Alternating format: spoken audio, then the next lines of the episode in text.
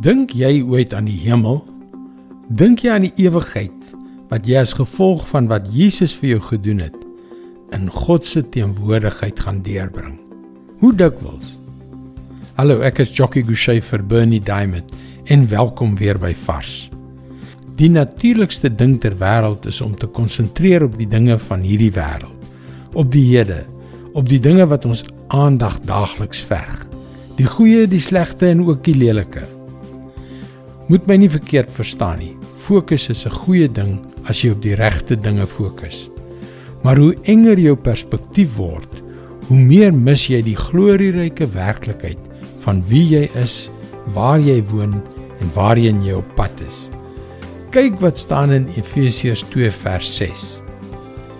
Ja, in Christus Jesus het hy ons saam met hom opgewek uit die dood en ons saam met hom 'n plek in die hemel gegee.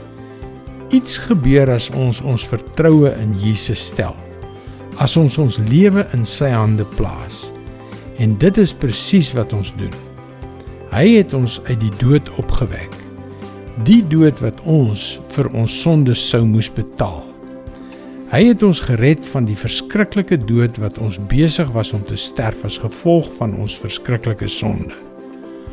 Maar het jy die tweede deel van die versie verstaan?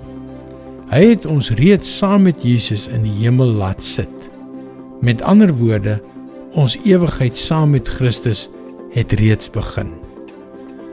Dit is hoe ons daagliks hier op aarde leef. Terwyl ons met ons gewone lewens aangaan. Jesus het reeds vir jou en vir my 'n plek saam met hom in die hemel voorberei. Dis goed om gefokus te wees, maar moenie die fokus op die belangrikste werklikheid verloor nie. Onthou, jy is uit genade gered en sit alreeds saam met Jesus in die hemel. Dit is God se woord vars vir jou vandag. My beste raad om gefokus te bly op die kragtige lewensveranderende waarhede van God is om hom toe te laat om sy woord op ons harte te skryf. Dis hoekom jy gerus ons webwerf varsvandag.co.za kan besoek vir toegang tot nog boodskappe van Bernie Diamond. Sy boodskappe word reeds oor 1300 radiostasies en televisienetwerke uitgesaai.